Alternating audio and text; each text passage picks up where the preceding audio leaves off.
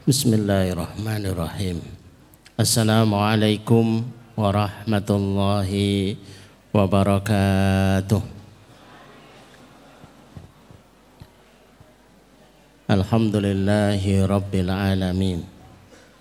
Wassalatu wassalamu ala ashrafil anbiya'i wal mursalin wa ala alihi wa ashabihi wa man tabi'ahum bi ihsanin ila yaumiddin. Asyhadu an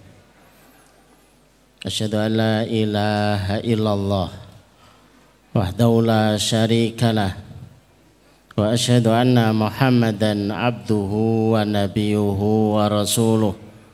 La nabiyya wa la rasula ba'dah.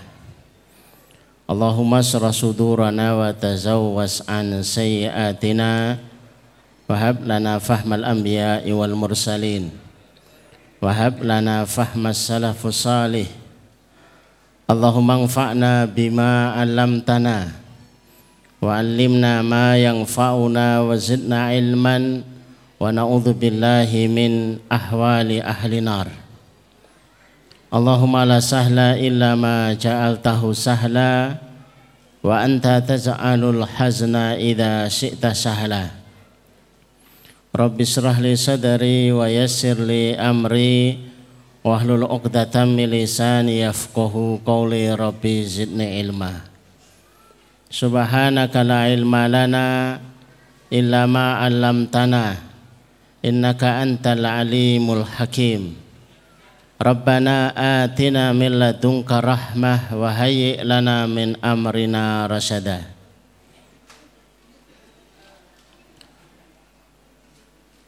Bapak Ibu yang semoga dirahmati Allah, semoga dicintai oleh Allah SWT dan semoga dirahmati oleh Allah SWT. Berbahagia kita pada kesempatan sore hari ini diringankan langkah kita dimudahkan urusan-urusan kita, dipertemukan kita dengan orang-orang saleh. Sosok yang hebat itu di antaranya adalah Nabiullah Yusuf alaihissalam. Beliau sosok yang Allah berikan kepadanya kesempurnaan secara jasmaniah, rupawan. Diberikan kesempurnaan secara mulkiyah, menjadi raja. Diberikan kesempurnaan secara maliyah, kaya raya. Diberikan kesempurnaan secara nubuwah dalam soalan agama. Terakhir yang diminta beliau sebelum diwafatkan adalah tawaffani musliman wal hikni bisolihin. Ya Allah, kapan pun engkau wafatkan aku, maka wafatkan aku sebagai seorang muslim. Dan pertemukan aku di dunia dengan orang-orang saleh dan pertemukan aku kelak di akhirat dengan orang-orang saleh. Bertemu dengan orang-orang saleh di tempat-tempat yang saleh dan pasti kalaulah tidak sedang melakukan amal soleh, sedang menyusun, merencanakan, memprogram bagaimana terrealisasi sebuah amal yang soleh. Maka inilah yang luar biasa kesempatan pada sore hari ini kita nawa itu dari rumah untuk bertolabil ilmi untuk bisa mengamalkan apa yang disabdakan oleh Rasulullah sallallahu alaihi wasallam man salaka tariqan yaltamisu fihi ilman siapa yang menempuh perjalanan siapa yang memudahkan langkah untuk bisa berada dalam barisan mereka-mereka berada di dalam kafilah yang bertalabul ilmi maka sebagaimana ia mudah di dalam talabul ilmi maka ia akan dimudahkan jalan menuju jannahnya Allah Subhanahu wa taala dan itu sejak langkah pertama. Sejak langkah pertama. Man kharaja fi talabil ilmi fahuwa fi sabilillah. Sejak langkah pertama dari rumah itu sudah dihitung visabilillah. Apa pun yang akan menimpanya di proses ini akan dihitung sebagai visabilillah. Lelahnya lelah visabilillah. Ngantuknya ngantuk visabilillah. Kehabisan bensin nyurung ya visabilillah. Enggak dapat snack ya visabilillah. Maka Bapak Ibu yang pengen catatan visabilillahnya itu panjang, nginep jangan pulang biar lama di sini itu ya. Karena hatta yarja sampai dia pulang lagi ke rumah. Catatannya seperti itu. Bapak Ibu yang dirahmati Allah, bulan Februari tahun 2018 saya kumpulkan karyawan sejumlah 30. Saya bagi menjadi tiga kelompok, masing-masing 10. Harinya hari Sabtu. Kami pilih ketua masing-masing dari tiga kelompok ini. Kemudian kami umumkan insya Allah besok hari Ahad jam 9 pagi kita akan mengadakan sayembara. Sayembaranya adalah mancing. Waktunya satu jam, jam 9 sampai jam 10. Yang dinyatakan menang yang selama satu jam ini mendapat ikan paling banyak dan ditentukan oleh timbangan. Maka ini hari Sabtu silahkan merencanakan bersama tim bersepuluh kira-kira strategi apa yang akan digunakan untuk bisa memenangkan sayembara esok harinya. Itu hari Sabtunya. Dan betul hari Ahad kita ke kolam pemancingan. Dan ketika sudah diumumkan kelompok satu dapatnya satu kilo koma dua. Kelompok dua dapat satu setengah. Kelompok tiga dapatnya tiga kilo. Otomatis menang yang kelompok tiga. Agar tidak ada yang mengganggu apalagi menggugat. Maka kelompok yang menang kami minta ketuanya bercerita. Apa strategi yang digunakan sehingga dengan itu Allah memenangkan. Maka beliau sampaikan Ustadz, hari Sabtu kami kumpulkan bersepuluh. Kami minta semuanya malam Ahad itu bertahajud minimal lima rakaat dengan witirnya. Dan semuanya harus sholat dua rakaat sebelum subuh, sholat fajar. Persiapan apa Bapak Ibu? Mancing bagi panjenengan yang biasa mancing kok sepele banget begitu ya. Terus kami minta 10 orang ini betul-betul sholat subuhnya berjamaah. Karena yang sholat subuhnya itu utuh, rezekinya juga utuh. Habis sholat subuh kami minta untuk baca Quran minimal satu juz. Masih dalam rangkaian mancing pak. Kita bayar utangnya enggak semangat kayak gini dulu. Terus sudah selesai? Belum saya. Pagi itu saya minta semuanya zikir pagi. Terus masing-masing harus bersotakoh minimal 5000 sotakoh pagi. Untuk bisa membuat tim tambahan yaitu malaikat dengan doanya di setiap pagi. Tak pikir sudah selesai ini sudah panjang loh urusannya mancing. Sudah masih ada satu lagi Ustaz. Apa itu? Hasil pancingan kita yang pertama. Kita sedekahkan kepada kelompok satu. Hasil pancingan yang kedua kita sodakohkan kepada kelompok dua. Sudah, sudah. Kalau ini yang dilakukan setiap kita dalam setiap urusan bukan hanya panjenengan bersepuluh itu menjadi juara mancing tapi jadi juara kehidupan. Bagaimana seseorang di dalam hidupnya ini melibatkan Allah yang membuat kita ini menang juga Allah yang mengurus kita itu Allah. Kalau Allah dilibatkan, siapa yang mampu bisa mengalahkan? Maka dijadikan tahajudnya, dijadikan dua rakaat sebelum subuhnya dijadikan zikir paginya, sodakohnya, kemudian hasil pancingan pertama, hasil pancingan yang kedua itu sebagai umpan. Untuk mendapatkan tangkapan besarnya. Sebuah kemenangan. Walaupun dihitung kecil, tapi pembelajarannya ini yang besar. Gara-gara ini kemudian saya membuat buku judulnya Juara Kehidupan. Ketika Al-Imam Al-Hasan Al-Basri ditanya, apa sih yang dimaksud dengan zuhud itu? Maka beliau menjawab, menjadikan dunia sarana untuk bisa mendapatkan akhirat.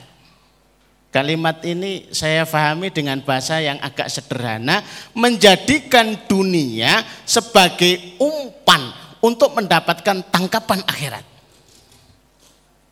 Kemudian didefinisikan oleh seorang kiai dengan definisi yang lebih sederhana lagi, seperti mengisi kulah di kamar mandi. Dipenuhi kulah itu.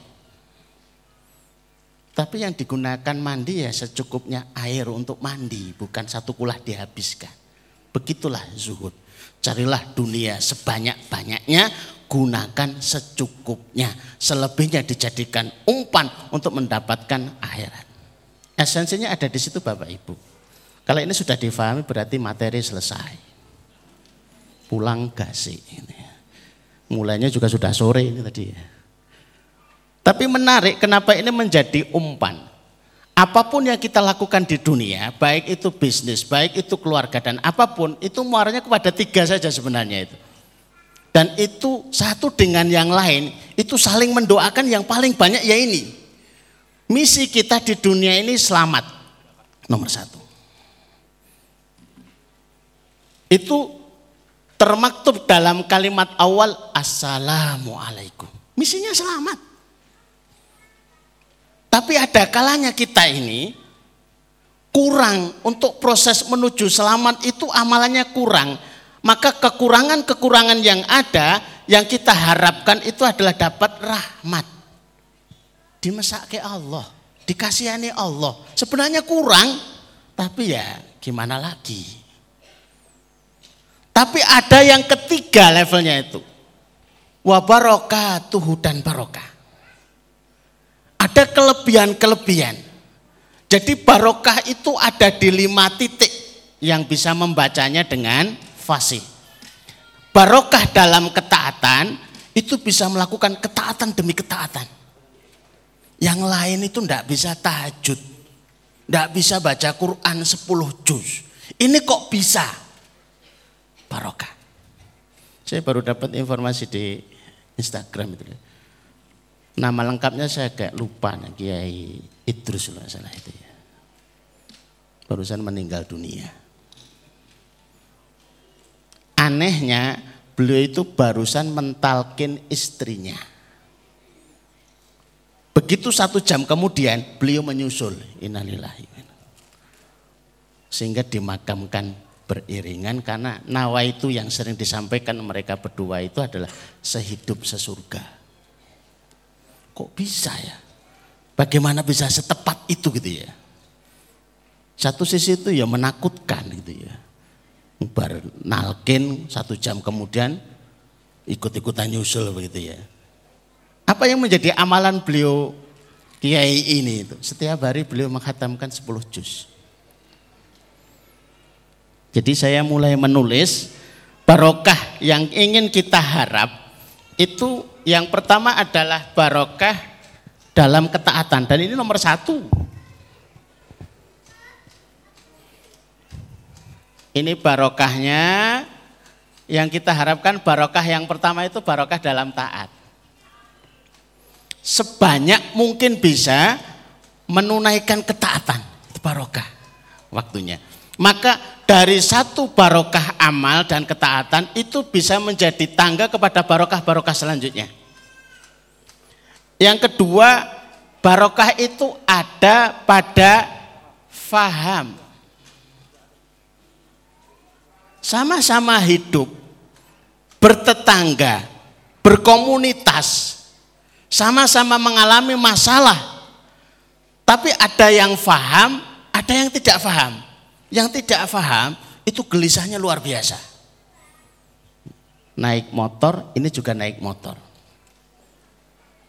Yang satu sudah tahu di ujung sana itu sedang ada operasi. Maka dia tenang. Yang tidak tahu cuma dikasih kode. Ini kado ini apa sih? Tangannya gini dong. Maksudnya apa itu ya? Ternyata dari kejauhan berjarak 200 meter. Wah, ada digelar operasi besar-besaran. Wah, kalang kabut dia itu. Cemas, gelisah, kemudian bingung. Yang satu paham, karena paham, dia merencanakan sebuah perencanaan untuk tidak terkena masalah. Sama dengan kehidupan ini begini. Yang menimpa kita ini sama. COVID-19-nya sama. Ada yang paham, ada yang tidak paham. Yang tidak paham cemasnya luar biasa. Nanti, nanti, nanti gitu. Yang paham, ya sederhana. Wong ayatnya sudah jelas. Apa ada yang bisa melebihi ayatnya Allah itu? Di ayatnya sudah jelas-jelas disampaikan qad aflahaman tazakka. Ini dibaca sunahnya setiap hari Jumat. Dibaca sering tandanya penting. Betul-betul pasti selamat. Mau gempa, mau ada urusan apa dan lain sebagainya, kecemasan-kecemasan yang ada, pasti selamat. Siapa? Mantazakka. Satu yang berzakat apa sih yang dikhawatirkan dengan musibah ini nomor satu? Resesi ekonomi. Tutupnya tempat-tempat usaha, gulingnya, perputaran ekonomi, itu yang dikhawatirkan. Maka standar seseorang itu selamat itu bayar zakat. Apalagi dia pakai nisabnya adalah nisab perak. Sehingga lebih segera untuk menunaikan zakat. Kalau pakai nisabnya itu emas 85 gram kalau pakai perak itu sekitar 7 juta itu sudah mengeluarkan zakatnya. Semakin cepat mengeluarkan zakat, semakin barokah itu didapatkan. Bapak Ibu, kira-kira kalau membayar zakat nilainya 200 ribu.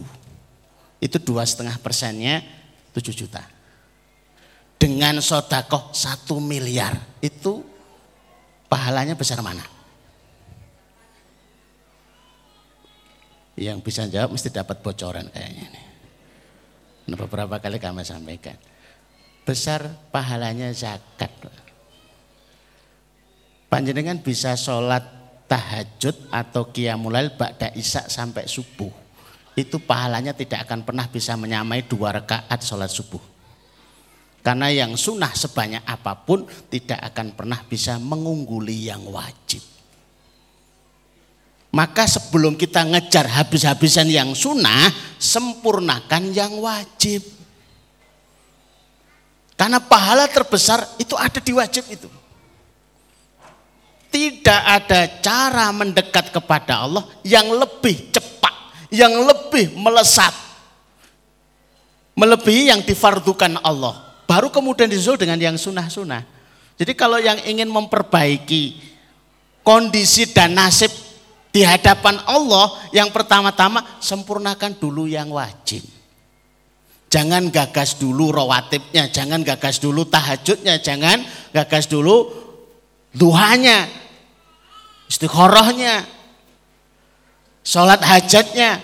Sementara duhurnya telat, asarnya masbuk, maghribnya ketiduran, isaknya jamak dengan subuh. Masalah semua itu ya. Ini problem, ini pertama kali ini yang diperbaiki. Begitu ya. ya. Yang ketiga, sehat. Saya itu sudah sering sodaka loh Ustaz, tapi kok nggak ngerasakan barokah. Jenengan terakhir masuk rumah sakit kapan? Ya, lupa ya. Terakhir minum obat Eh baru kemarin pagi itu kopi. Oh, itu bukan obat. Saya kalau belum minum kopi itu belum kelihatan semuanya masih berkabut. Itu bukan masalah obat, itu urusannya dengan kebiasaan, sudah kecanduan itu. Banyak yang lupa terakhir masuk rumah sakit itu lupa. Minum obat terakhir itu lupa. Sebenarnya sodakoh-sodakohnya, ibadah-ibadahnya sudah dibentukkan Allah dalam bentuk keberkahan sehat. Tapi itu tidak dirasakan. Barokah itu yang ketiga, yang keempat, maaf, itu ada di bahagia.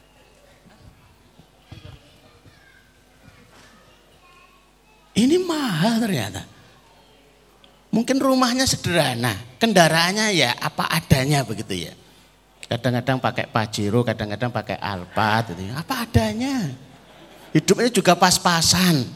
Pas butuh makan sate ada. Pas butuh makan ini ada. Pas-pasan banget begitu ya. Tapi bahagia gitu loh. Itu masih ngeluh, kayaknya saya ini hidupnya nggak berkah. Bahagia enggak? Bahagia. Ini di, dihitung semuanya, jangan diukur satu-satu saja. Baru kemudian yang terakhir harta. Itu terakhir ya. Berapa banyak orang itu punya harta, tapi tidak bahagia. Bisa membeli apa saja. Tapi begitu masuk di restoran, itu pelayan restoran itu sudah ngasih pantangan banyak. Ini jangan, ini jangan, ini jangan, ini jangan. Wow, kok jangan semua? Pantangannya mau makan ini kolesterol, ini asam urat, ini mah, ini parah lagi tipes, ini kenyang, ini bisa obesitas kegemukan. Makan apa? Masya Allah. Maka kalau ini sudah didapatkan oleh kita, sudah itu barokah luar biasa.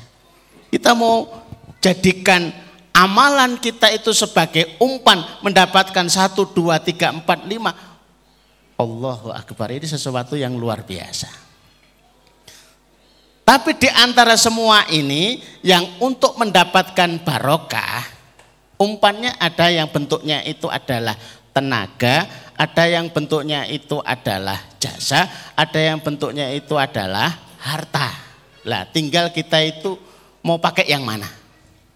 Saya kalau gambarkan sederhana, Bapak Ibu kalau pengen makan nila bakar, seneng yang pakai harta atau seneng yang pakai tenaga? Jujur aja Pak, saya pengen yang gratis, boleh nyari ikan dulu bibit terus ditunggu di kolam dibesarkan. Setelah itu setelah besar kemudian ya dipeteti terus dimasak dibakar. Itu baru dinikmati. Berapa lama? Sementara ada yang pakai harta ya sudah langsung aja beli. Sudah selesai. Tapi kalau dalam kehidupan kadang-kadang kita saking nggak pahamnya itu merasa kalau dengan harta itu terlalu berat. Kalau saya sendiri merasa dengan harta itu terlalu murah. Semalam itu saya ke Semarang, ketemu notaris. Lah, pertemuan itu digunakan beliau untuk bertanya, Ustadz, saya itu cemas dan gelisah. Lah kenapa?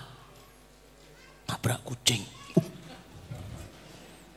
Kucingnya warnanya apa? Hitam, parah. Uh, tambah lagi takut dulu. Apa yang harus saya lakukan? Ya dikuburkan kalau bisa. Ngono Tapi kalau masih khawatir lagi, panjenengan bersodakoh lah. Ya Allah jaminlah selamat. Karena ceritanya orang yang bersodakoh itu jaminannya selamat. Karena sodakohnya itu untuk membeli sebagai umpan. Sebagai umpannya itu ada di situ. Lah kita khawatir yang tidak beralasan tidak melakukan sesuatu yang sebagai umpannya. Kalau sudah tahu umpannya, masya Allah ya. Saya cerita ini ada seorang yang datang kepada kami, Ustaz, ada sebuah gudang itu dijual. Lah terus, lah saya pengen beli. Lah terus, tapi nggak punya uang. Ya sudah nggak usah dibeli. Lo nggak punya uang kok mau beli. Tapi saya pengen banget. Lah punya uang, ya enggak. Ya nggak usah dibeli. Tapi saya pengen. Harganya berapa sih? Mintanya itu 350 juta.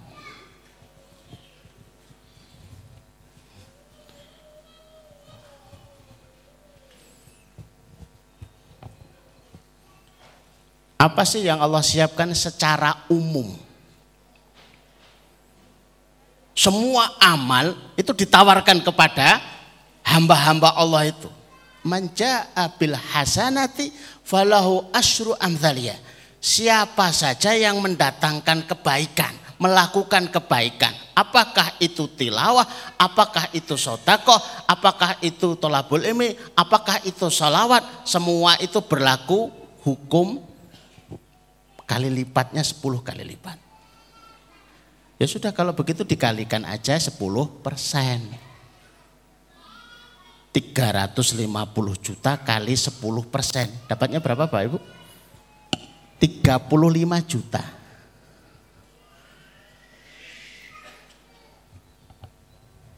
Sodakohnya keluarkan aja sebagai umpan. Di mana-mana umpan itu selalu lebih kecil daripada tangkapan. Kalau kita mau mancing teri, umpannya itu adalah kakap, itu salah itu loh. Bukan umpannya yang dimakan tangkapan, tangkapannya dimakan umpan. Ini keluar dari rumus mancing gitu loh ya. Kenapa kita harus mancing? Ya sudah Bapak Ibu coba aja ke sungai sedepan itu. Tidak usah pakai pancing, tidak usah pakai jaring, nggak usah pakai macam-macam. Tangkap, tangkap. Keluarnya ikan saja itu belum tentu. Apalagi kok nangkap, tapi begitu nah, umpan dikasih itu keluar. Kita dalam bahasa umpan itu untuk tangkapan itu keluar. Ini rumus dari Al-Quran. Mau dicari dari depan sampai akhir 30 juz. Itu rumusnya berlaku ini secara umum umpan itu. Maka lebih simpel kita kalau tahu rumusnya seperti ini itu. Yang jadi problem itu kita itu adalah umpannya kecil.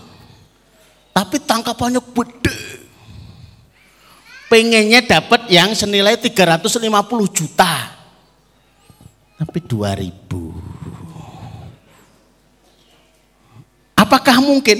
Mungkin Allah Maha Kaya. Tapi harus sabar 10 tahun kemudian. 20 tahun kemudian ketika harganya sudah inflasi dan lain sebagainya itu. Kalau pengen cepat ya sudah pakai rumusnya ini kan mudah kita tuh belajar sesuatu itu yang simpel-simpel saja itu ya. Kan sering kami contohkan, mungkinkah kita mancing seekor hiu dengan cacing? Itu hiunya geleng-geleng. Astagfirullahaladzim banget. Ramodal blas. Lah wong hiu kok dipancing pakai cacing gitu loh. Ijane iki mikir apa ora?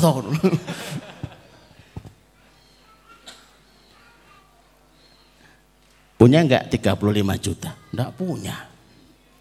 Punya. Enggak punya. Um punya keinginan kok enggak punya umpan. Berat itu nanti. Sudah kalau enggak punya harta yang bentuknya 30 35 juta, barang ya senilai ini. Enggak punya Ustaz piutang. Anak piutang ada banyak itu. Lah sudah, pilih yang solih-solih, ikhlaskan. Sebanyak ini Ustaz. Ya iyalah. Oh yo, repot Ustaz. Pilih aja lah yang soleh-soleh.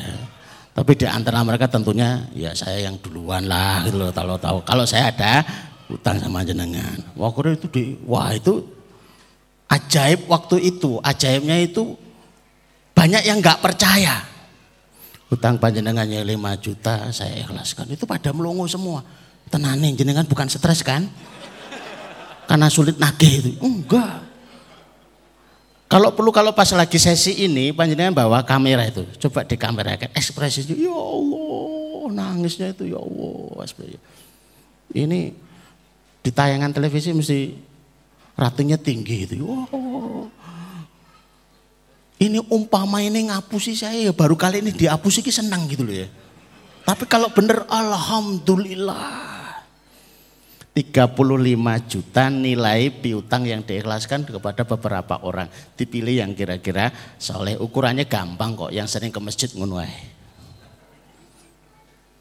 Lah Rasulullah ngasih kriteria kan ya sederhana. Idza ra'aitumur rajula ya'tadul masjid fasyhadu bi annahu mu'min. Kalau kamu ngelihat orang itu terbiasa dengan masjid, saksikanlah dia mukmin. Udah itu aja. Tapi nih masjid terus. Mana di rumah, ya itu mukmin. Coba kalau di gardu kan belum tentu. Singkat ceritanya 350 juta itu akhirnya kebeli. Padahal ditawarkan 500 juta. Singkatnya cerita begitu. Kalau agak diperpanjang sedikit, dia nekat ketemu dengan pembelinya. Pak, katanya gudangnya dijual ya. Enggak. Katanya ditawarkan 500 juta ya. Enggak boleh enggak saya nawar 350 juta angsal. Tapi artone nggih dereng wonten, mboten napa-napa. Saya angsur nggih selama setengah tahun, monggo. Itu ketemu saya lagi, Ustaz, tanpa perlawanan, Ustaz. Lancar gitu. Ini pakai umpan. pakai umpan. Nah, Bapak Ibu yang dirahmati Allah, kalau panjenengan ingin melihat ada enggak itu ayatnya? Ada. Ternyata di surat As-Saff ayat 10, 11, 12. Di surat At-Taubah ayat 111. Ya, agak panjang, waktunya sudah pendek. Ditambah dengan membacakan ayat dan menjelaskan tafsir dan terjemahnya lebih panjang lagi. Saya hanya cuplik kutip. Hal adullukum ala tijarah. Bahasanya itu seneng banget saya itu. Mau nggak aku tunjukkan sebuah perniagaan, sebuah transaksi. Tunjikum min adzabin alim yang dengan transaksi itu kamu dapat tangkapan berupa selamat. Di surat Taubah, Innallaha Allah membeli dari orang beriman. Allah ngajak transaksi. Apa yang Allah tawarkan akan diberikan jannah. Apa yang dimiliki orang beriman untuk menjadi umpan dan untuk menjadi harga anfusahum wa amwalahum. Dari mulai tenaganya, pikirannya yang serba gratis-gratis sampai nyawanya wa amwalahum dan hartanya itu sebagai alat tukar, itu sebagai umpan.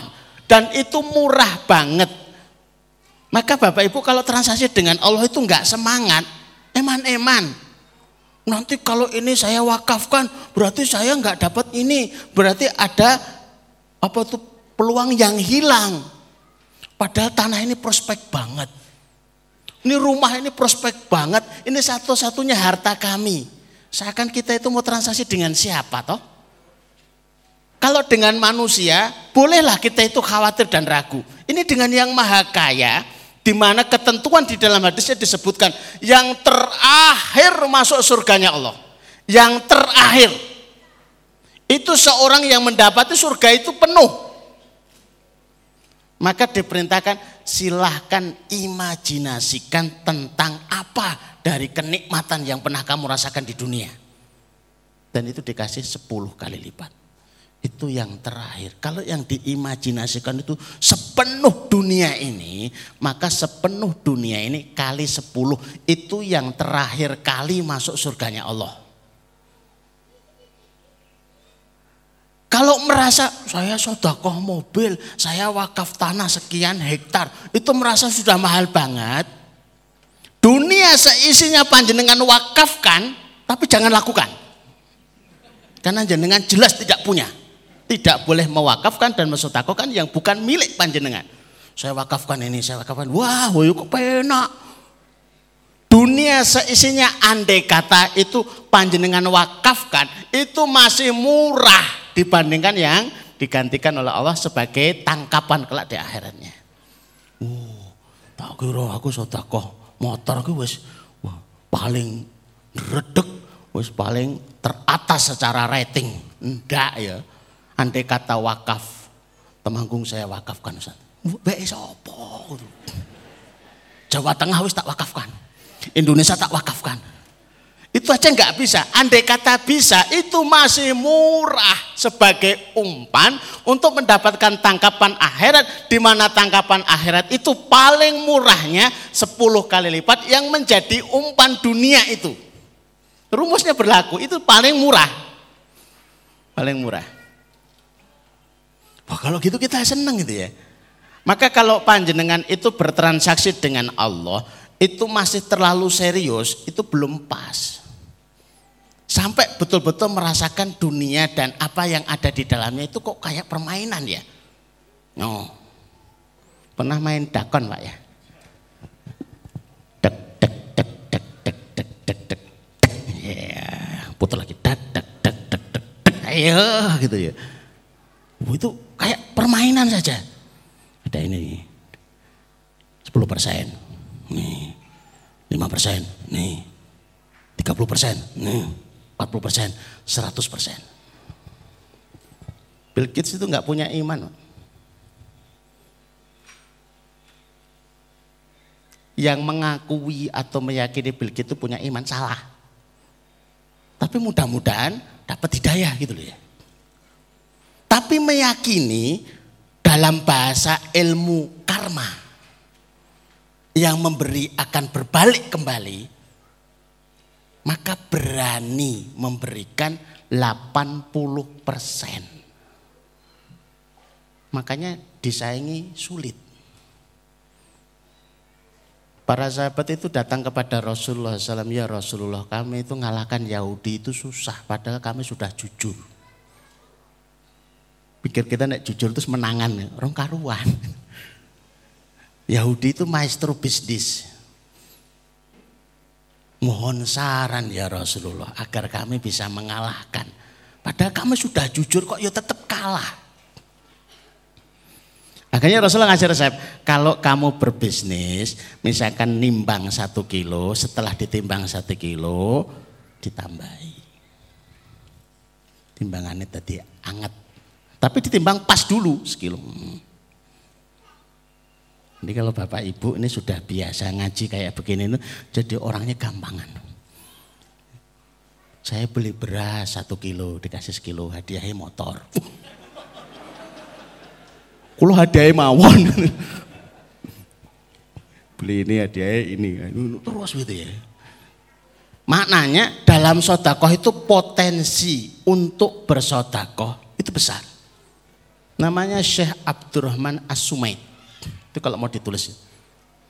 Yang masuk Islam di tangan beliau itu 10 juta. Membangun masjid 55.700 masjid. Punya anak yatim 1.500 yang dibiayai. Apakah dia ustadz? Bukan ustadz. Maka yang profesi ustadz itu jangan mengira jenengan yang paling hebat. Belum tentu. Berdakwah melalui bisnis itu kadang-kadang lebih mengena, apalagi berdakwah melalui sebuah kekuasaan. Dia kalau pengen berdakwah itu caranya adalah nelpon temannya, tolong saya dicarikan tempat yang tidak ada muslimnya. Nantang. Terus lokasinya strategis. Terus saya mau dagang. Maka dibuatlah toko sembako otomatis calon pembelinya mayoritas non muslim. Memang yang dicari tempat itu. Setiap ada yang beli, lihatlah dakwahnya. Kalau beli tepung, dikasih tepung, ditambahi minyak goreng. Kaget yang beli. Kalau beli gula, ditambahi teh. Kan senang gitu. Terus tanya, loh ini kenapa? Loh kalau kamu itu buat dengan gula kan mesti butuh tehnya. Maka tehnya di jangan-jangan uangnya terbatas. Hanya untuk bisa beli gula saja. Ini ditambahi dengan teh. Kalau tepung ini kan mesti untuk buat sesuatu. Maka khawatirnya uangnya kurang ditambahi minyak goreng. Kenapa kamu lakukan ini? Agama saya yang memerintahkan. Agamamu itu apa tuh? Baru dijelaskan. Akhirnya banyak berbondong-bondong masuk Islam. Masuk Islam lah. Lu kayak Abdurrahman Asumat itu enak. Dakwanya begitu itu. Nanti buat toko lagi, buat toko lagi, buat toko lagi. Panjenengan yang punya bisnis dengan konsep dakwah luar biasa. Kalau hanya sebatas konsepnya itu konsep untung, belum. Konsep laba, belum. Mencukupi nafkah, belum. Walaupun itu juga ibadah. Tapi kalau konsepnya dakwah, maka melibatkan Allah. Berapa banyak mereka-mereka yang sukses itu nuliskannya pakai notaris ya. Termasuk insinyur Atiyah itu ya. Salah Atiyah itu ya. Itu sampai dibawa ke notaris untuk diakatkan ada 10 orang yang bersaham tapi yang ke-10 itu tulisannya Allah Azza wa Jalla. Sehingga menjadi mitra yang ke-10. Kalau yang di sini mitra yang ketiga. Kenapa mitra ketiga? Ya terserah kami, Pak ya. Oh yang buat kita kan boleh-boleh saja sah-sah aja. Panjenengan pengen buat mitra yang keempat ya boleh, mitra keenam boleh. Ya. Lah, salah Atiyah itu mitra ke-10. Jadi pemegang sahamnya itu 10 orang mahasiswa jurusan peternakan. Mereka akan bekerja sama yang dipelihara itu ayam, ayam broiler itu ya. Nanti hasilnya dibagi labanya 10, dibagi 10. Lah yang aneh dituliskan itu mitra yang ke-10 itu dapat bagian laba sepersepuluh tugasnya menjaga bisnis ini tidak rugi. Siapa itu? Allah. Dibayar 10 dari laba, tapi tugasnya menjaga bisnis tidak rugi. Wah, ya ngeri pak. Pemilik langit dan bumi yang maha kaya, kok dijadikan mitra. Maka sampai bisa membuat universitas, Isinya seribu mahasiswa gratis semuanya. Ketika beliau wafat, belum lama, sekitar lima atau enam tahun yang lalu. Itu yang mengantar ke pemakaman itu 500 juta, 500 ribu orang, maaf. 500 Berduyun-duyun. Di keranda itu sampai nggak bisa nyentuh tanah. Gak bisa pakai mobil juga nggak bisa. Ya sudah berpindah dari tangan ke tangan, dari tangan ke tangan. Sudah berjejer panjang. Saking merasakan mereka ini berhutang betul kepada beliau. Baik secara inspirasi, baik secara jasa. Semuanya mendapatkan pencerahan yang luar biasa. Maka Bapak Ibu yang dirahmati Allah, Tema kita sore hari ini adalah mengajak panjenengan menjadi bagian yang bertransaksi dengan Allah, menjadikan dunia dan seisinya ini dan apa pun yang dirizikan Allah kepada panjenengan menjadi umpan untuk mendapatkan tangkapan apa pun yang Allah janjikan dari tangkapan-tangkapan. Apakah itu bentuknya tangkapan itu adalah ketaatan? Ataukah tangkapan itu adalah kefahaman? Apakah tangkapan itu adalah kesehatan? Apakah tangkapan itu adalah kebahagiaan? ataupun keberkahan di dalam harta berlimpah jumlah dan digunakan lebih mudah. Maka jangan sampai lagi kita ini kemudian nekat pakai strategi yang neko-neko, sementara ada strategi yang sudah teruji. Ini kan bisnis itu strategi ini apa?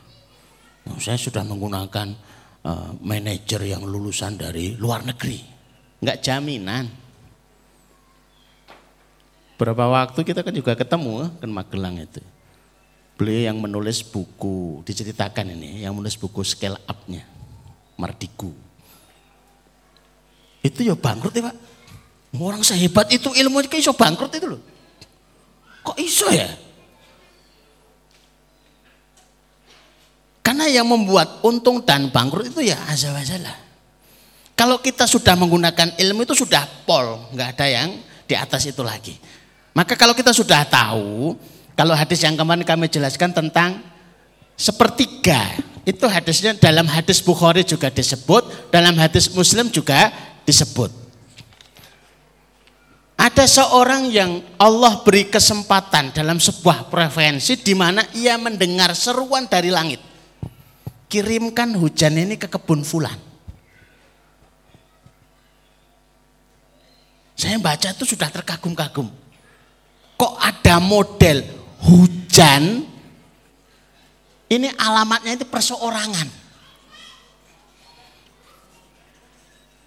Mestinya hujan itu ya sedesa, sekota. Alamatnya itu orang kirimkan hujan ke Fulan. Udah dicari nama Fulan itu. Ditengok sana sini itu nggak ketemu orang. Lewong dia yang sekitarnya itu tandus. Ada satu orang itu. Kayaknya ini. Ditanya apakah nama bapak itu Fulan? Iya. Kok tahu? Maka diceritakan saya mendengar suara seruan di balik awan. Apa yang panjenengan lakukan? Karena hujan itu turun di atas bukit, batu hitam. Tulisannya dalam hadis batu hitam. Artinya kalau turun di situ nggak mungkin terserap. Lah terus airnya itu mengalir ke sawahnya milik Fulan ini. Yang hebat kanan kirinya nggak basah pak. Kan aneh. Ada air kelewat ngelewat itu ya di pematang-pematang di apa tuh saluran-saluran. Lah kok kanan kini kok orang belak rono ini gitu terus lho. Sedina suratul mustaqim lurus Kok bisa gitu ya? Apa amalannya? Kalau saya panen, sepertiga saya sodakohkan. Sepertiga untuk modal tanam lagi. Sepertiga untuk nafkah keluarga. Dulu kami nggak paham ya modal seperti ini. Tapi itu ternyata ilmu kalau panjenengan itu masih punya konsep di dalam bisnis, apakah bertani, apakah itu gaji atau apa pun dalam rangka untuk penghasilan keluarga, menuliskan dua setengah persen per tahun, entah itu sudah sampai nisab atau belum sampai nisabnya, ya itu standarnya standar selamat gitu aja ya.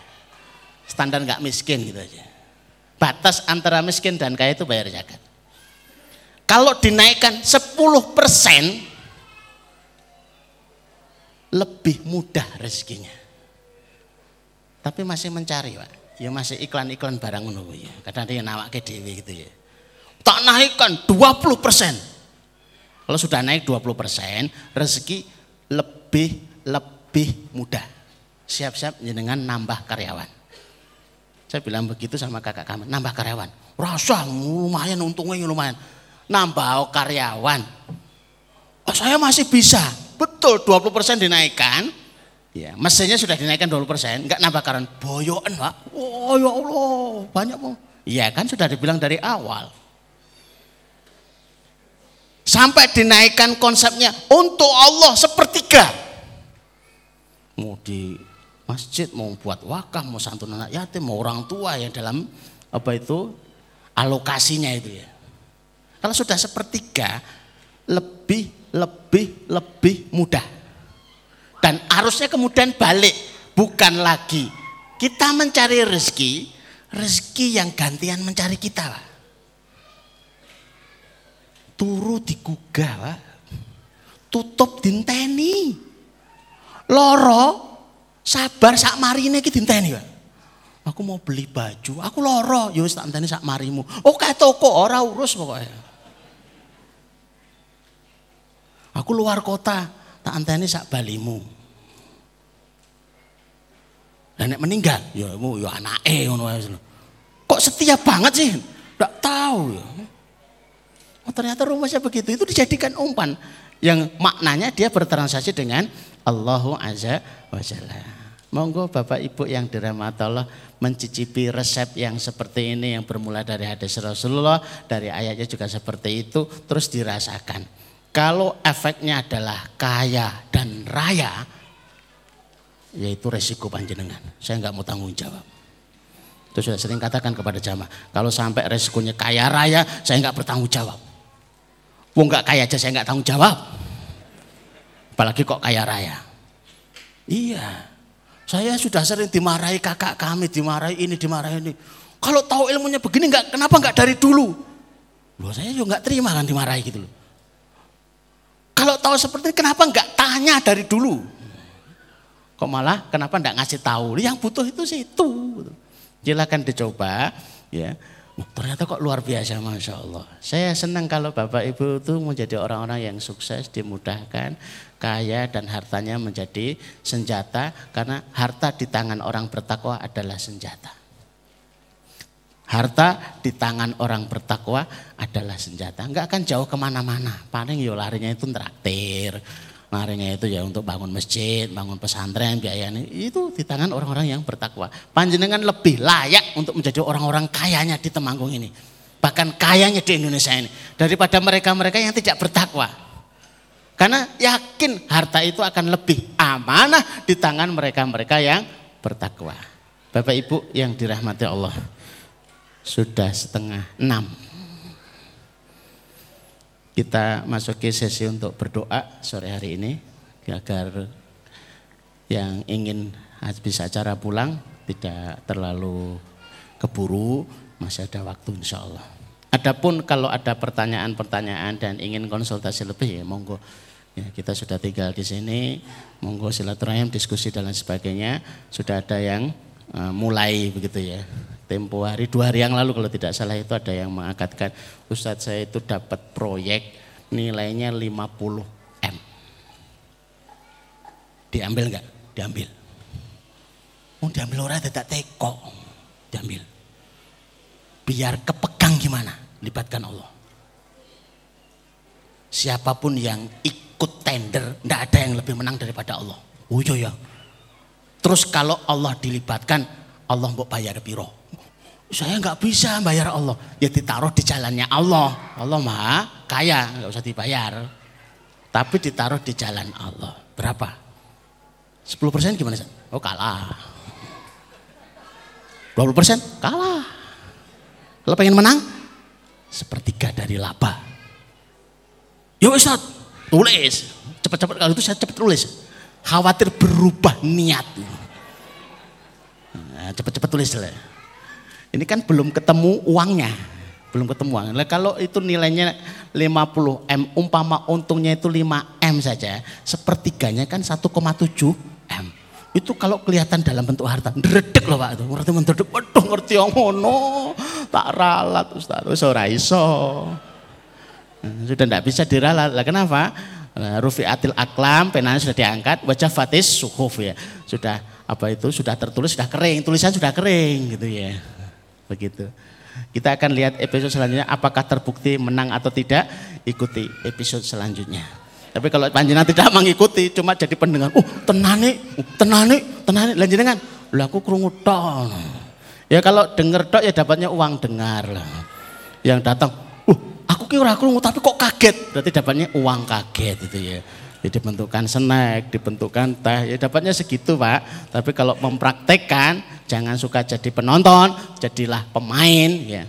Di mana-mana kesuksesan itu bukan hadiahnya, pialanya diberikan kepada penonton. Kita berikan hadiah ini, piala ini kepada penonton terbaik. Pendengar terbaik, apanya yang terbaik? Pasti itu pemain terbaik. Walaupun jatuh bangun benjut, tapi dia pemain pak. Nah, kita itu sehat walafiat. Sehat, seger, penonton. Nah, maka jadilah pemain. Bismillahirrahmanirrahim. Allahumma salli ala Muhammad wa ala ali Muhammad kama sallaita ala Ibrahim wa ala ali Ibrahim innaka Hamidum Majid. Allahumma barik ala Muhammad wa ala ali Muhammad kama barakta ala Ibrahim wa ala ali Ibrahim fil alamin innaka Hamidum Majid. Alhamdulillahi rabbil alamin. Bismillahirrahmanirrahim. Alhamdulillahi rabbil alamin. Arrahmanirrahim. Maliki yaumiddin. Iyyaka na'budu wa iyyaka nasta'in. Ihdinas siratal mustaqim. Siratal ladzina an'amta 'alaihim ghairil maghdubi 'alaihim waladdallin. Amin. La ilaha illa anta subhanaka inni kuntu minadh. La ilaha illa anta subhanaka inni kuntu minadh. La ilaha illa anta subhanaka inni kuntu minadh. Allahumma ya Rahman ya Rahim ya Hayyu ya Qayyum ya Dzal Jalali wal Ikram. Allahumma ya Rahman ya Rahim ya Hayyu ya Qayyum ya Dzal Jalali. Allahumma ya Rahman ya Rahim ya Hayyu ya Qayyum ya Dzal Jalali wal Ikram. Allahumma inna nas'aluka al yaqin wal afa wal afiyata fid dunya wal akhirah ya rabbal alamin. Allahumma barik lana fi ahlina wa barik lana fi amwalina wa barik lana fi makasibana wa barik lana fi awqatina wa a'malina ya rabbal alamin. Ya Allah berkahilah keluarga-keluarga kami. Ya Allah berkahilah harta-harta kami. Ya Allah berkahilah usaha-usaha kami. Ya Allah berkahilah waktu dan usia kami ya rabbal alamin. Allahumma dzib hammana Allahumma dzib hammana Allahumma dzib hammana ya rabbal alamin. Ya Allah angkatlah masalah-masalah kami. Ya Allah selesaikanlah masalah-masalah dan problematika kami ya rabbal alamin. Allahumma inna nas'aluka amalan baran wa rizqan daran wa aishan wa qaran. Ya Allah anugerahkan kepada kami amalan yang baik-baik rezeki yang mengalir, kehidupan yang tenang, kehidupan yang tentram birahmatika ya arhamar rahimin. Allahumma inna nas'aluka min khairin ma sa'ala minhu nabiyuka Muhammad sallallahu alaihi wasallam wa na'udzubika min syarri ma sta'adha minhu Muhammad sallallahu alaihi wasallam. Antal musta'an, alaikal balag wa la haula wa la quwwata illa billah. Ya Allah, sesungguhnya kami meminta seluruh kebaikan yang pernah diminta oleh Nabi kami sallallahu alaihi wasallam. Ya Allah, sesungguhnya kami meminta perlindungan dari seluruh yang Nabi kami meminta perlindungan darinya semuanya. Engkaulah yang menyampaikan, engkaulah yang menjawab jawaban doa-doa kami. Birahmatika ya arhamar rahimin la khala wa la quwata illa billah. Rabbana hab lana min azwajina wa dzurriyyatina qurrata a'yun waj'alna muttaqina imama. Ya Allah jadikan pasangan-pasangan kami, anak-anak dan keturunan kami generasi-generasi yang bertakwa, generasi yang menyejukkan pandangan mata kami dan hati kami dengan ketaatan mereka dan jadikan kami teladan bagi orang-orang yang bertakwa. Rabbi ja'alni muqimah shalah min dzurriyyati Rabbana taqabbal du'a. Rabbana atina fid dunya hasanah wa fil akhirati hasanah wa qina adzaban nar wa qina adzaban nar wa qina adzaban nar wa sallallahu ala Muhammadin wa ala alihi wa sahbihi wa sallim. Subhana rabbika rabbil izzati amma yasifun wa salamun alal mursalin walhamdulillahi rabbil alamin. Alhamdulillahirrabbilalamin. Mohon maaf atas segala kekurangan. Wa kali hadha nastaghfirullakum Hanakallahumma rabbana wa bihamdika asyhadu an la ilaha illa anta astaghfiruka wa atubu ilaik. Assalamualaikum warahmatullahi wabarakatuh